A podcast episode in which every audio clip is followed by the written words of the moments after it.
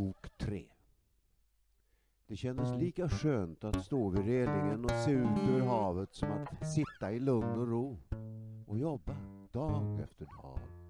God och uppsluppen stämning var det ombord. Det tog fortfarande två veckor att korsa Atlanten.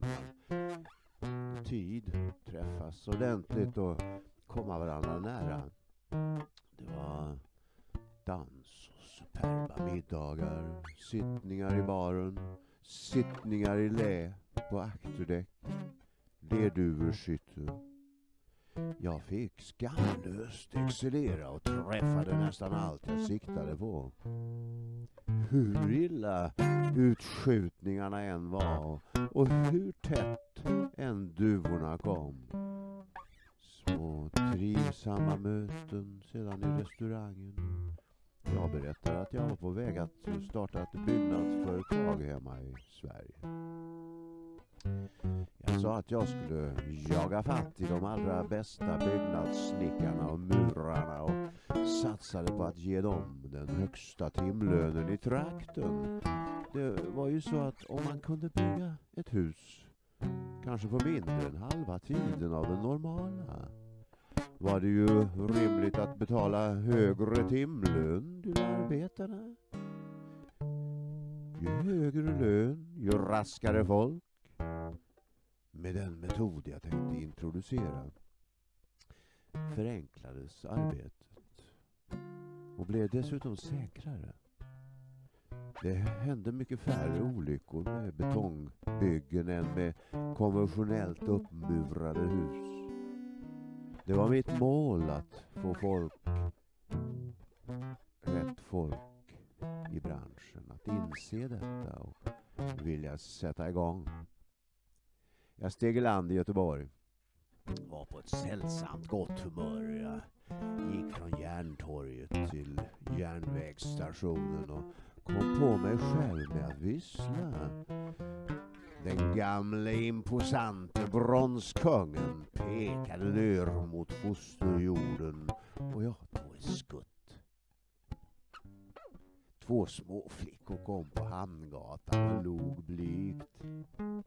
Och jag lyfte på huvudbonaden en stor vit amerikansk keps och bockade. Vad har ni så roligt åt? Ingenting, svarade den ena lintotten. Jo då, det har ni visst det. Var det därför att jag gjorde ett träningshopp inför min roll i balletten Kungabalen? Eh, ja, men vi menade inte. Det gör ingenting. Får jag fråga en sak? Ja, visst herrn. Kan ni säga mig vad det där är för en person? Som står staty där borta så ska ni få första priset i min frågesport. Ja, herrn, det är Gustav den andre Adolf, svarade hastigt och lustigt den andra lintotten med flätor. Pekar han på en myra? Nej, han pekar på marken och säger här ska staden ligga. Jag gjorde stora ögon och tog upp två slantar ur fickan. Det bar sig inte bättre än att det var två silverfemmor. Flickorna gjorde ännu större ögon och höll på att ramla i vallgraven av glädje. Där borta bodde Gatenheim, sa till min förvåning den andra lintotten då och pekade och jag tog upp två nya, lite mindre silvermynt och sprang därifrån med en vinkling med kepsen.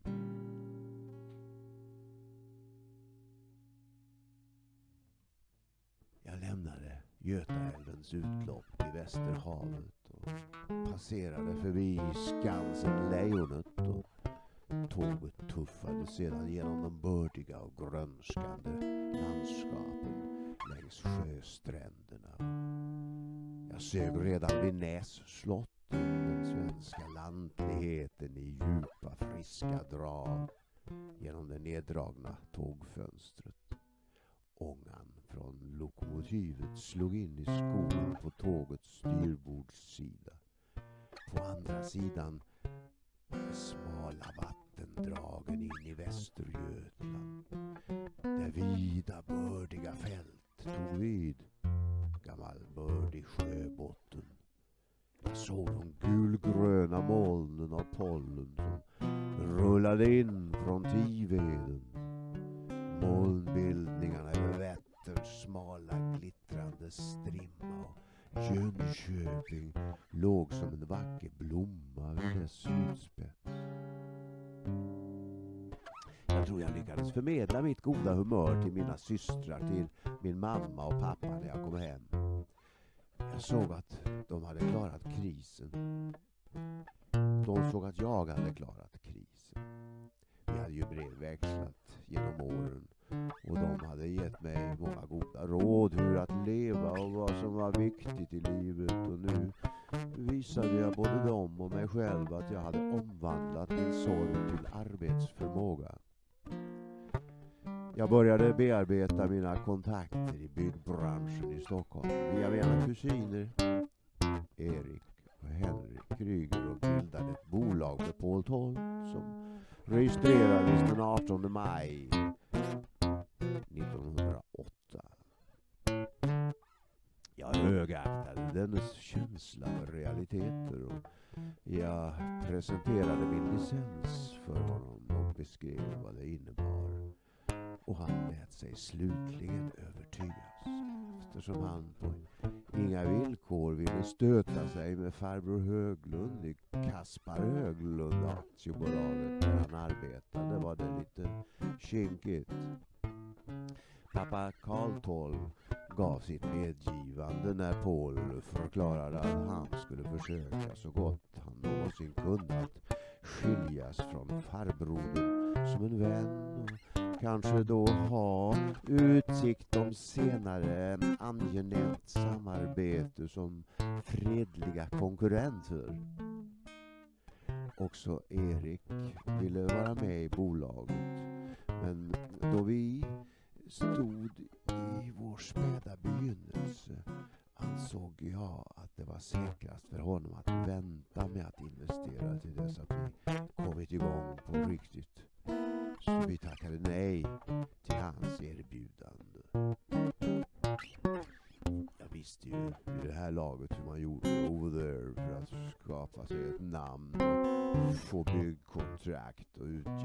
långt från att man kunde göra ungefär likadant i Stockholm. Först eh, främst gällde det att göra något som folk i branschen förstod att uppskatta. Sen gällde det att göra firman känd.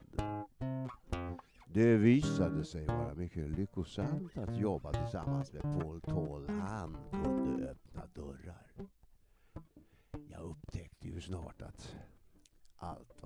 trögare i Stockholm än i New York. Och att eh, växtkraften och viljan till förändringar gjorde sig bäst där myndigheterna höll sig undan så mycket som möjligt och eh, välvilligt såg på byggnation och renoveringar. Självklar välvilja mellan politiker och byggherre. Och jag påpekade en så enkel sak som att brandrisken skulle kunna minimeras med våra metoder och att man eh, kunde bygga kvarter i betong som brandgator mellan trähus. Men oftast märkte jag på att jag på ett egendomligt sätt talade inför dova öron. Döva öron, även om många av Stockholms byggnader var räddningsfarliga och i alla stycken osunda med allehanda parasiter och baciller där tbc grasserade. Jag propagerade för en större sanering av staden. Och då började jag från grunden. Men vi behövde först visa vad vi kunde. Eller framförallt vad man rent generellt kunde göra med den nya Kanbar-metoden. Med Jordals små uppfinningar. Vi fick några små kontrakt innan vi fick bygga åt Myrstedt och Stern. Vi gick till verket på ett sätt som aldrig hade prövats förr. Vi eldade under presenningar och använde oss av enkla varmluftsaggregat som gjorde det möjligt att gjuta mitt i vintern.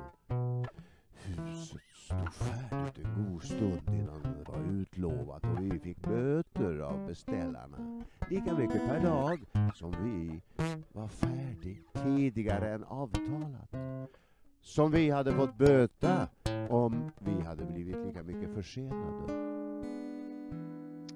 Det blev en hel del skriverier i pressen och vårt rykte började spridas. Mitt under våra uppbyggnadsår drabbades världen av en djup lågkonjunktur. Och det gällde att kunna bygga billigt och effektivt om man skulle få sig eh, några kontrakt över huvudet. Det var så småningom att det var ett enas. Det visade sig så småningom att det var ett enastående finansiell spekulation som var orsaken till depressionen och att den förmerade Morgans och Rockefellers förmögenheter som i ett kvantsprång. Det var något i den fotoelektriska effekten som gick att appliceras här. Plötsliga energihopp. Lagom till Stockholmsutställningen eh, 2009 när det äntligen börjat ljusna i världsekonomin igen fick Paul Toll, stadsarkitekten Ferdinand Boberg, att gå med på att vi byggde en mycket hög och lång rutschkana. Vi fick därmed upp en guldglänsande och elektriskt belyst Kryger Toll-skylt som satt i höjd med kyrktupparna och lyste över hela staden. Paul och jag hade det odelade nöjet att bjuda den ryska tsarfamiljen som var på besök i Stockholm den sommaren att åka gratis i rutschkanan på Biskopsudden efter stängningstid. Det kostade annars 10 öre per åk. Något Paul sett till för att kompensera kostnaden för 12 000 kronor som det gick åt tornet. Haben Sie vielleicht schon geruscht? frågade en mycket distingerad herre vars mustascher knappast hade tålt en nedfärd. Jawohl, blev mitt kontanta svar. Nicht möglich. Sie sind toll. Nein, ich bin Krieger. Alla skrattade gott, inklusive Paul Toll och Kaiser Wilhelms ättling i rakt nedstigande led kronprinsen av Sverige. De sommarklädda romanovska prinsessorna jublade och deras klänningar fladdrade. De såg ut som stora vita och skära nyutslagna pioner när de for ner den ena efter den andra. Tsar Nikolao såg muntert på medan hans glada döttrar tjoade och roade sig. Det var det sötaste jag hade sett. Vi dinerade samman på fram på kvällen så bad tsaren diskret att få ringa long distance till Oslo. Han gjorde stora ögon när jag rullade fram miniatyrmodell LM Ericsson. Kallad AB 160 165 med ett eh, en och en halv volts batteri till honom där han satt.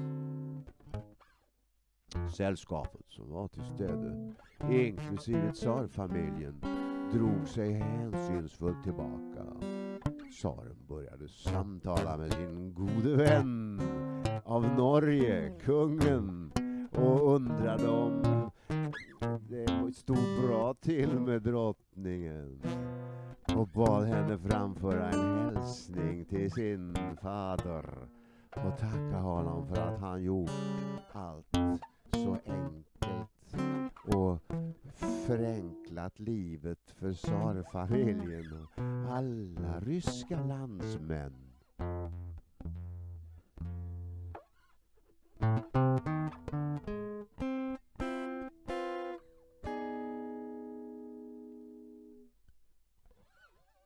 I salongerna blev namnet Kryger och Toll känt.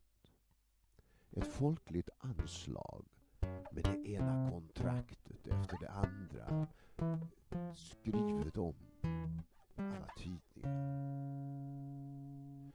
Då gnydde och gnällde de gamla uvarna i branschen och sa att det var skandal att ens få göra något sådant. Betonggjutningen påstods vara lika farlig och osvensk som art déco jag log och sa att man byggt så i smällkalla Chicago-vintern och det fungerade alldeles utmärkt. Men det behövdes mer för att övertyga dem. Mycket mer. Dessa byggnader skulle rasa ihop som korthus när kärlen började gå ur jorden, fnös de. När jag sa att eh, betongen lutade mot urberget skakade de bara på huvudet och sa att jag hade gått och blivit galen eh, där borta bland cowboyen. Efter några säsonger tvingades de inse att det fungerade.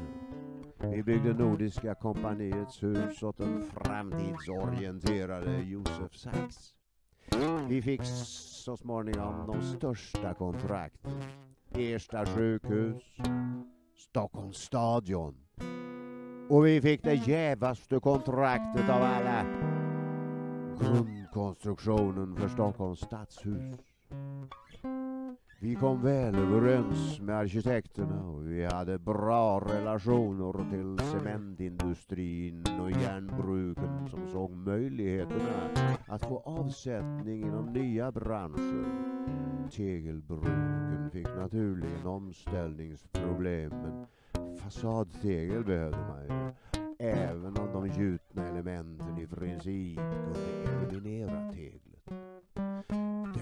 Utvecklingen hoppades jag slippa även om man naturligtvis skulle komma att få se betongmonster i framtiden där estetiken helt fått ge vika från funktionen och den snåla okonstnärligheten. Ja, den smyger sig alltid på en bakifrån.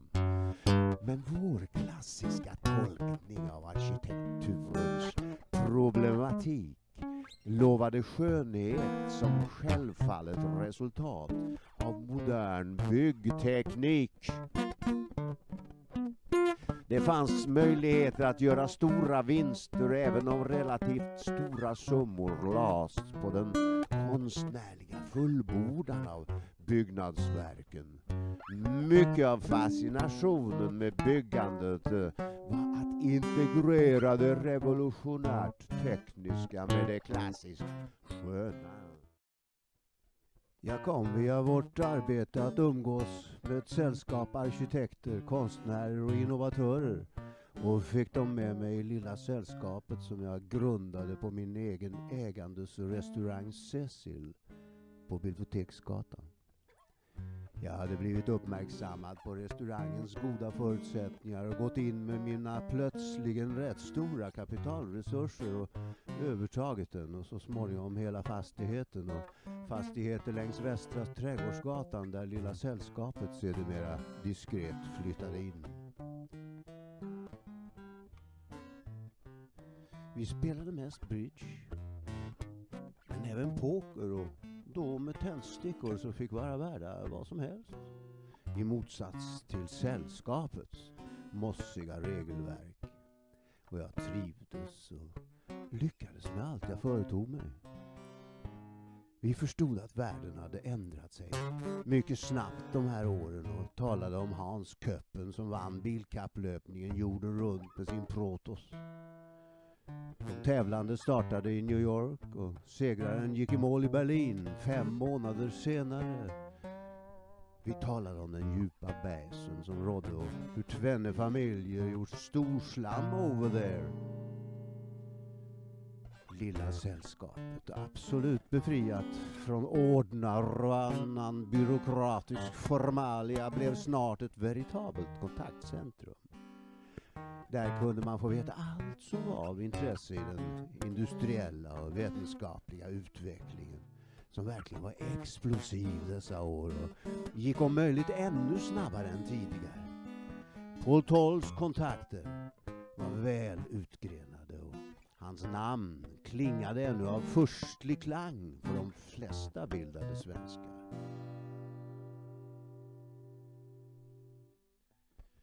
Det talades fortfarande bland många konstintresserade om vilka formidabla tillställningar fältmarskalken Toll arrangerade.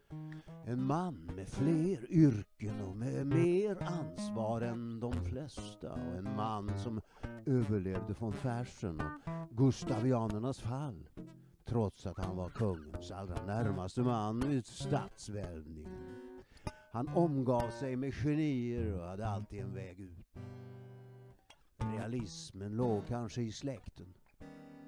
På slottet Bäckaskog, där excellensen Toll residerade, kunde P.A. Hall, världens vid den tiden högst betalde miniatyrmålare, Hakwin Spegel, diktare, Johan Gottlob Brusell, möbelsnickare och ansvarig för Kungliga Operan, Gustav IIIs hovmålare målade kulisserna och annan rekvisita på Drottningholms slott.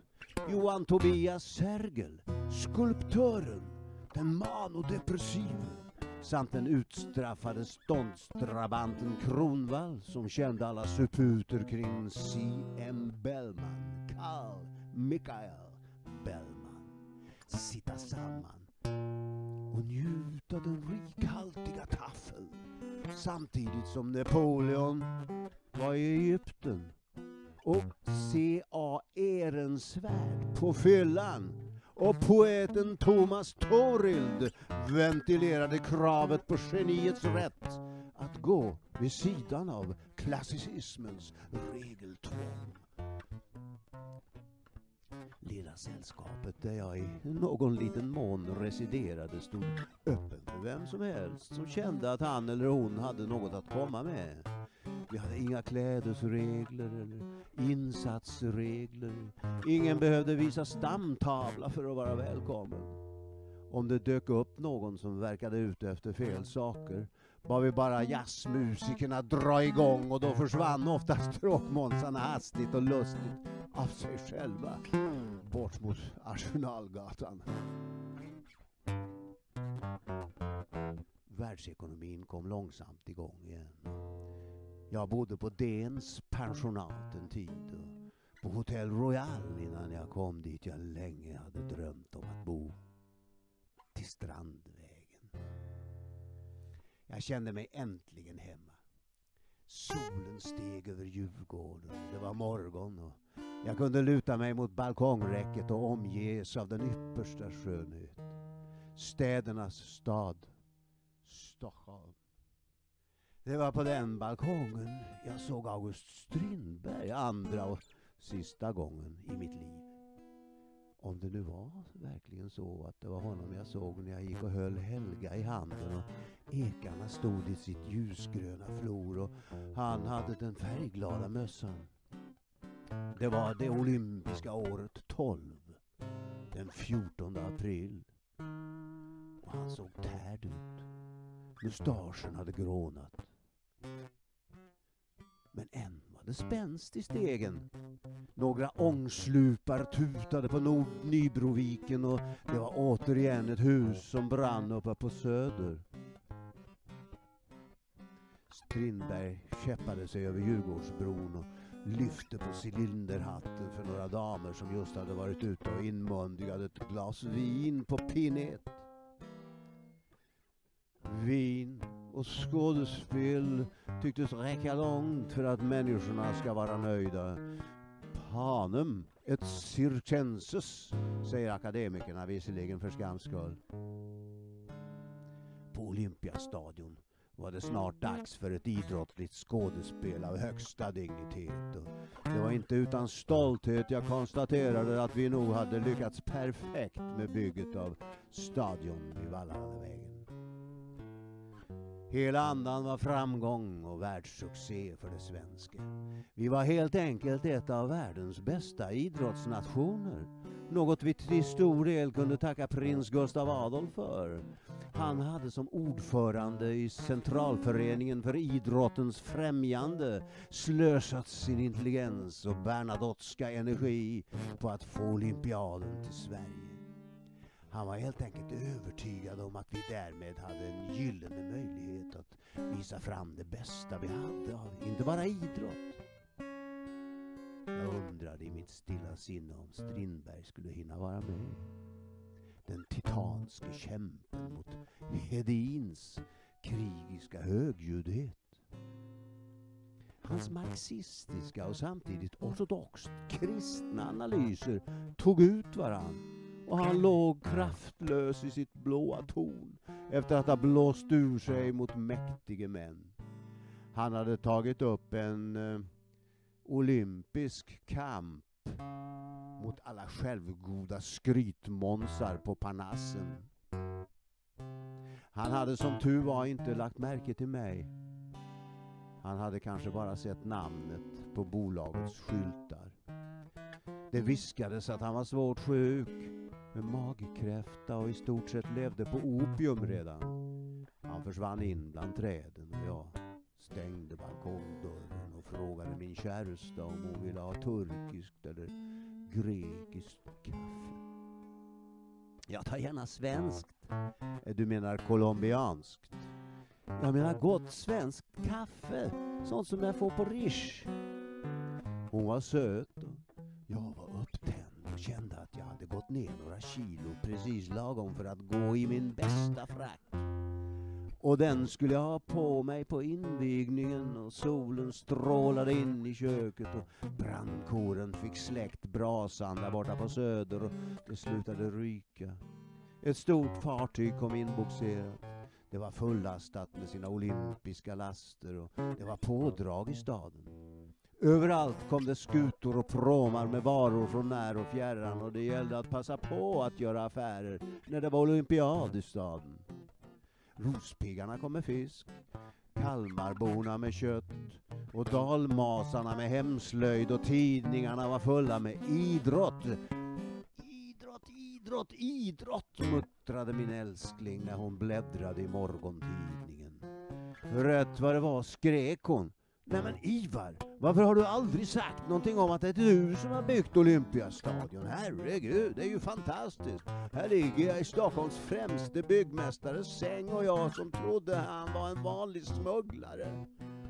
Kära du, alla som åker till USA är inte smugglare. Och jag är ingalunda ensam om att ha byggt stadion. Paul Toll och många andra var med. Ja, det förstår jag väl, men det är ju du som äger firman kan jag läsa här. Varför i hela friden har du inte sagt något? Vi drack det svenska kaffet och åt några leverpastejsmörgåsar med saltgurka och jag bjöd henne på nypressad juice. Oh, vad gott! Vad har fått tag i apelsiner? Man har ju sina kontakter, du vet. Fruktsmugglare från Los Angeles. Jag såg änglar när jag sa det. Särskilt när jag hade jobbat hårt och varit vaken några dygn i sträck. Så såg jag dessa visioner som var klara detaljerade konstverk som målade av Vermeer eller Constable eller Zorn och som övergick i film och blev nästan lika verkliga som verkligheten. Änglarna svävade över citrusodlingarna. Ibland hade dessa mina inre bilder övren och de snabba penseldragen hos Zorn. Ibland var det som hos Vermeer. Omöjligt att se om han hade använt pensel, palettkniv, tummen eller en trasa. Många lager lack sedan som en Stradivarius var lackad var dessa bilder glansiga och hemlighetsfulla i djupen, liksom svävande i en eter mellan de många lackskikten. Ibland var det som hos Constable, som gjorde bägge delar. Han var en brygga över från motivet till konstnären. Man kunde se penseldragen, de personliga lämningarna efter konstnären själv, även om detaljskärpan var magisk. Små detaljer ur den engelska historien kunde dyka upp vid sidan av huvudattraktionen på hans bilder och entydigt föreställa något. En knopp på en gren. Så exakt att man kände doften av vår. En kärras hjul.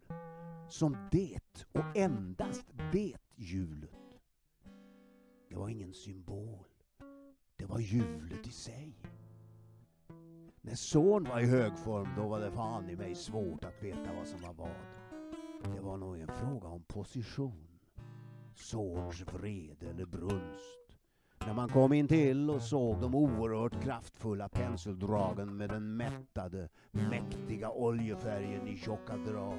Det var lukten av Anders Zorn från Gopsmor.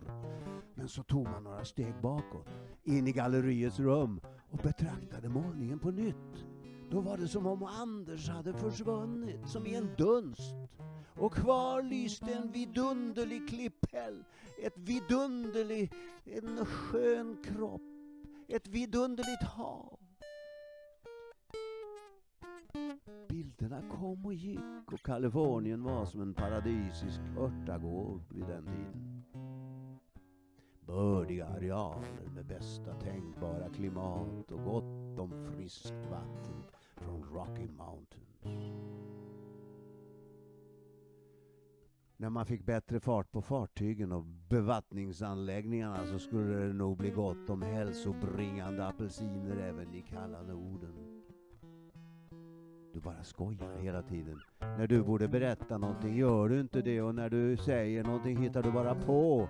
Rakt ur fantasin. Nej, nu ska vi inte överdriva. Jag har aldrig ljugit för dig. Inte ens när du säger att jag är den enda.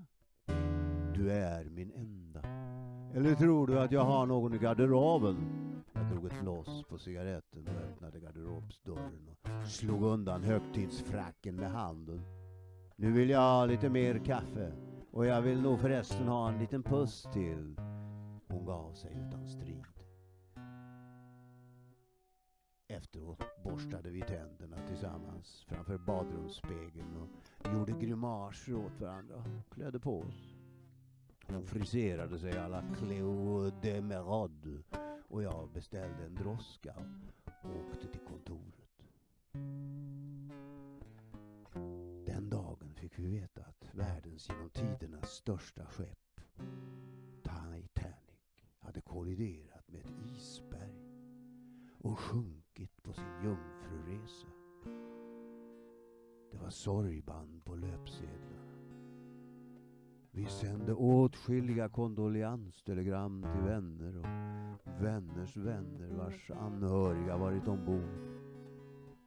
Förutom de ständigt olycksförföljda armenierna var det nästan bara förmögna människor som gick under.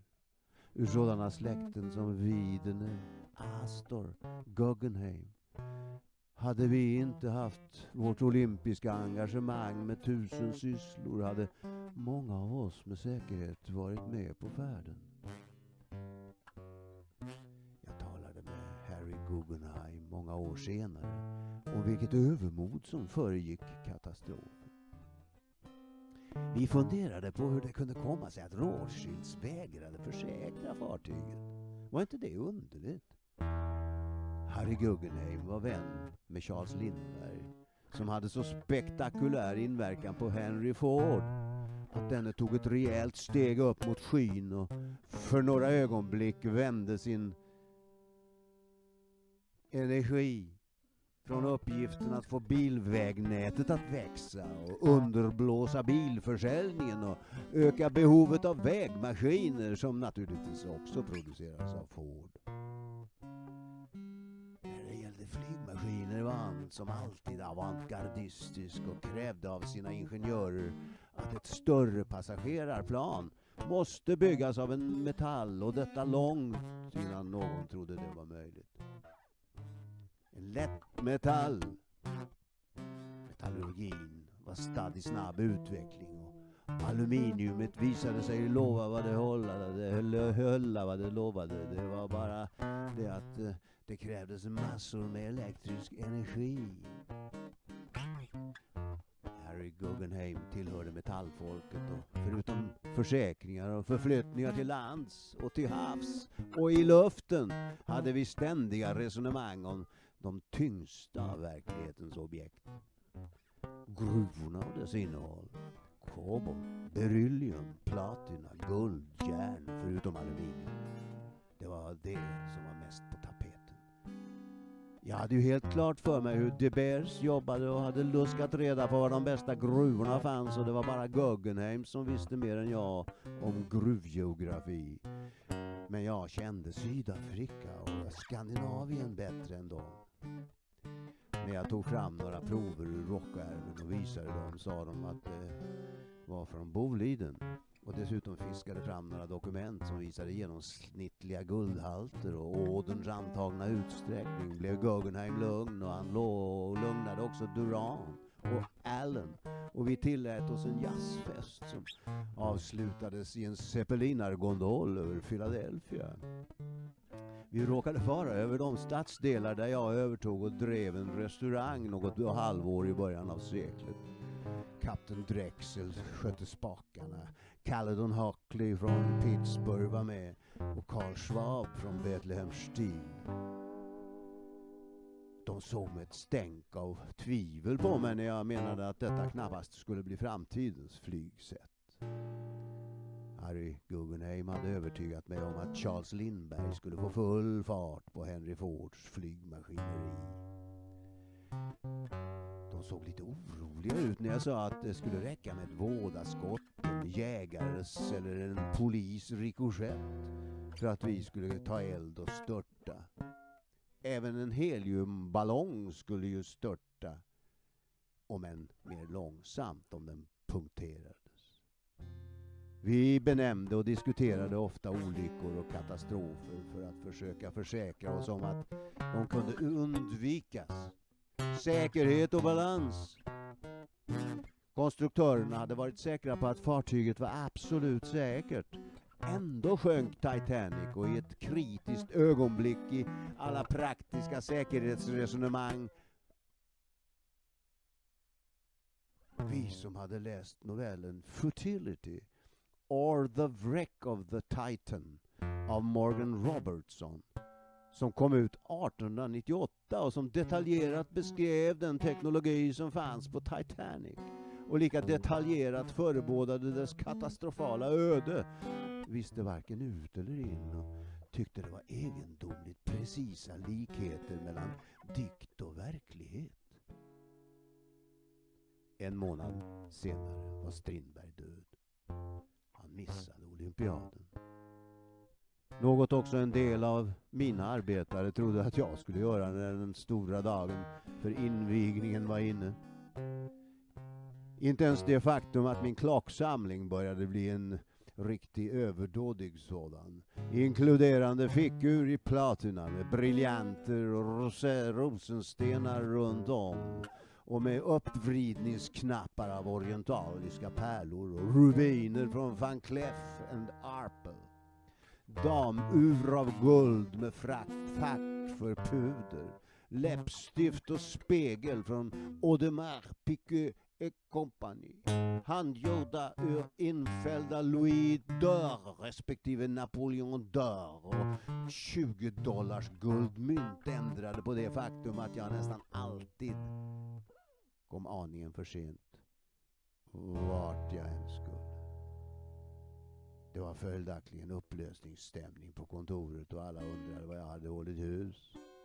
Jag sa att eh, det borde de ju veta vid det här laget att jag bor på Strandvägen och att och de suckade och sa att det visste de. Och de visste också varför jag var sen och nu skulle det skålas. Men Ivar, du kunde väl ha hållit tiden en dag som denna? Nu får ju kungen vänta. Nej, det blir bara fem minuter. Jag himlade med ögonen och frustade några munfullar. Droskchaufförerna väntade otaligt, otåligt på att avgå mot Vallalavägen och stadion där kungen skulle tala och det var högtidligt värre och alla var alldeles till sig i byxorna. Under av välpressning. Varenda moder och hustru i Stockholm hade hängt på strykjärnen dessa de yttersta dagar och knivskarpa var pressvecken och bilarnas plåt glänste och gnistrade. Hattarna var som polerade skorstenar. Hästarna var välryktade och medaljerna glittrade och det var stor eufori och segervilja. Massorna samlades och de aktiva tågade in och flaggorna fladdrade när de norska trupperna kom lämnade jag hedersläktaren. Jag gick ner för trappen och ut på den nästan folktomma gatan utanför stadion förebärande onämnbara besök. Jag hade som tur var en näsduk och några starka levantiska cigaretter. Jag torkade några tårar och la ner några buketter liljekonvaljer hos henne. Just som jag gjorde det kom en ensam flicka gående på en, med en ko på väg ut till Lidingö. Och jag, jag undrade om hon ens visste att det var olympiad. Ja, det gjorde hon nog. Men det intresserade henne inte det bittersta. Jag blev glad igen. När jag stoppade tillbaka näsduken och drog ett djupt blås på cigaretten var det som om koflickan drog i mig. Det var jag som var kon. Träden glönskade neråt Storängsbotten och jag skulle hem till ladugården och föda min kalv. Jag stoppade snabbt ner mitt tomma cigarettutui med diamanter infällda i guldlocket och med ett knäppe av karbonadfirad slafir i hennes ryggsäck och klämde klacken med klackstiften i trottoaren och vände om. Just när jag kom in på stadion igen steg Gustav V upp i talarstolen och förklarade spelen invigda. Det blev total succé. Sverige blev bästa europeiska nation. Tvåa sammanlagt. Efter omöjliga USA och det blev rena yran. Jag tror vi blev halvt om halvt vansinniga av glädje allihop. Ingenting verkade längre omöjligt och det var som om alla med ens var vänner. Hela staden jublade med våra repdragare, terränglöpare, brottare, trestegshoppare, skyttar och spjutkastare som alla tog guld. Alla dörrar stod öppna och det var feststämning överallt.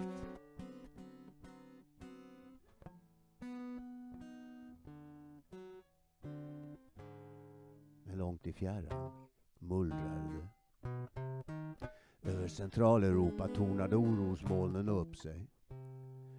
Österrike, Ungern och Balkanstaterna i urgamla affärer. Det ottomanska imperiets skalv i frostbrytningar. Det bodade inte gott med all den unga nationalism som bröstade upp sig runt omkring. Jag avskydde dess fula sida lika mycket som jag njöt av dess vackra. Sveriges nationalism var vacker dessa år. Integrerad med det olympiska och det byggdes mer än förstördes. Vi byggde nytt och stort och hade goda ledare och spänstiga byggnadsnämnder. Hammarskjöld var rätt man i svenska ledningen när kriget, som Hedin så enträget varnat för, verkligen bröt ut. Han krympte ner alla expansiva ambitioner och så visade att Sverige hotade ingen. Men nu otacke världens lön. Hammarskjölds politik uppfattades allt eftersom krigslyckan växlade som alltför formellt neutral och han drabbades av de allierades propaganda och aktiva blockader. Framförallt drabbades han själv han drabbade själv fel personer med sin rättvisa. Den övre borgarklassen med alla sina bortskämda småarvingar och tidningsskribenter och hans försök att hålla bondeståndet vänligt sinnat och samtidigt hålla låga matpriser för stockholmarna var beundransvärt. Men hemlig allierad diplomati fick vissa stora slättjordbrukare att gå emot samlingsregeringen och exportera sina produkter i egendomligt minfria korridorer eller låta dem ruttna. Eller lägga mark i träda. Tysklands segrande styrkor i öst och direkta materiella stöd till bolsjevikerna satte fart på revolutionen. Polariteterna slog om även i Sverige. Och räddaren i nöden blev i allmänhetens ögon förvandlad i hungerns orsak. Genom desperata statliga regleringar blev till och med potatisen en olaglig handelsvara. Man gick ut på den svarta marknaden med den svenska grisen och den svenska potatisen. De lumpnaste ekonomiska schackrare dök upp när det rådde krig. De allra värsta skurkarna blev handelsmän och när man lyckades lura fienden var alla nöjda. Kunde en handelsman visa att han sålt arsenik istället för mjöl till fienden var ju det finfint. Fienden opererade med sina handelsmän innanför linjerna. Nästan allt vanligt folk gjorde för att mätta sin familj blev olagligt under slutet av kriget. Och förtroendet för politikerna försvann totalt. Genom deras ständiga oförmåga att knipa åt de stora skurkarna, svarta börshajarna och istället ta de små. Det nästan enda man kunde köpa i butikerna var till slut tändstickor han, statsministern döptes om till Hungersköld och försvann även han. I största allmänhet visste ändå de flesta att hålla sig pragmatiskt och folkligt neutrala och ligga lågt. Man hoppades på att ingen skulle bry sig om det avlägsna Sverige och att främmande makter aktade sig för att ge sig ut på vallgraven som den första Bernadotten på svensk tron varit så mån om att dra kring centralområdet fanns ju många gamla nationalister som fortfarande var sura på honom för att han hade offrat Finland för Norge och mer eller mindre gått i pakt med gamla ärkefienden Ryssland. Men det har ju visat sig att Östersjön, Öresund och Nordsjön bildade utmärkta vallgravar. Det krävs rätt mycket för att ta sig över och militärt ställa till besvär för stockholmarna. Vi svenskar bodde alla i relativ trygghet i Midgård och ute på Djurgården tack vare att en napoleansk general förstått sig på geopolitik och knappast på grund av Hedins eventuella F-båt. Genom att redan på Stockholms olympiaden visa sig som varande den fysiskt mest vältränade nationen i Europa skapade svenskarna dessutom en stor respekt för sin folkstam. Jag för min personliga del hade börjat se idrott som ett högre tillstånd av krig. Ett förädlat tillstånd av krig. En grad av civilisering som stod högre än att i full uniformsmundering marschera mot varandra och ta livet av varandra. Överallt i städerna och i världen tyckte jag mig se detta och kände att den olympiska idrottsrörelsen kunde minska på spänningarna. Genom att delta i den rituella kampen mellan spjut och diskuskastarna gavs möjligheter till spirande vänskap mellan nationerna och vänskap mellan kämpande viljor i affärsvärlden. Brottning, särskilt skytte var givetvis sportgrenar som i särdeles hög grad var civiliserad krigiskhet. Tyvärr var det inte alla som förstod sig på denna form av civilisering. En del minst sagt inflytelserika individer ansåg på fullaste allvar att själva krigskonsten fortfarande var den högsta konstarten och på militärhögskolorna ståtade man med ett otadligt anseende. De förnäma kvinnorna sökte sig gärna dit på bal och sökte sig gärna en kavaljer med epauletter och tingeltangel och de tycktes tycka att det var något alldeles särskilt med dessa uniformer. Jag kunde inte annat än småländskt småle och tänka på skillnaden mellan att sikta på en tavla och försöka få en tietta och att sikta på en människa av kött och blod.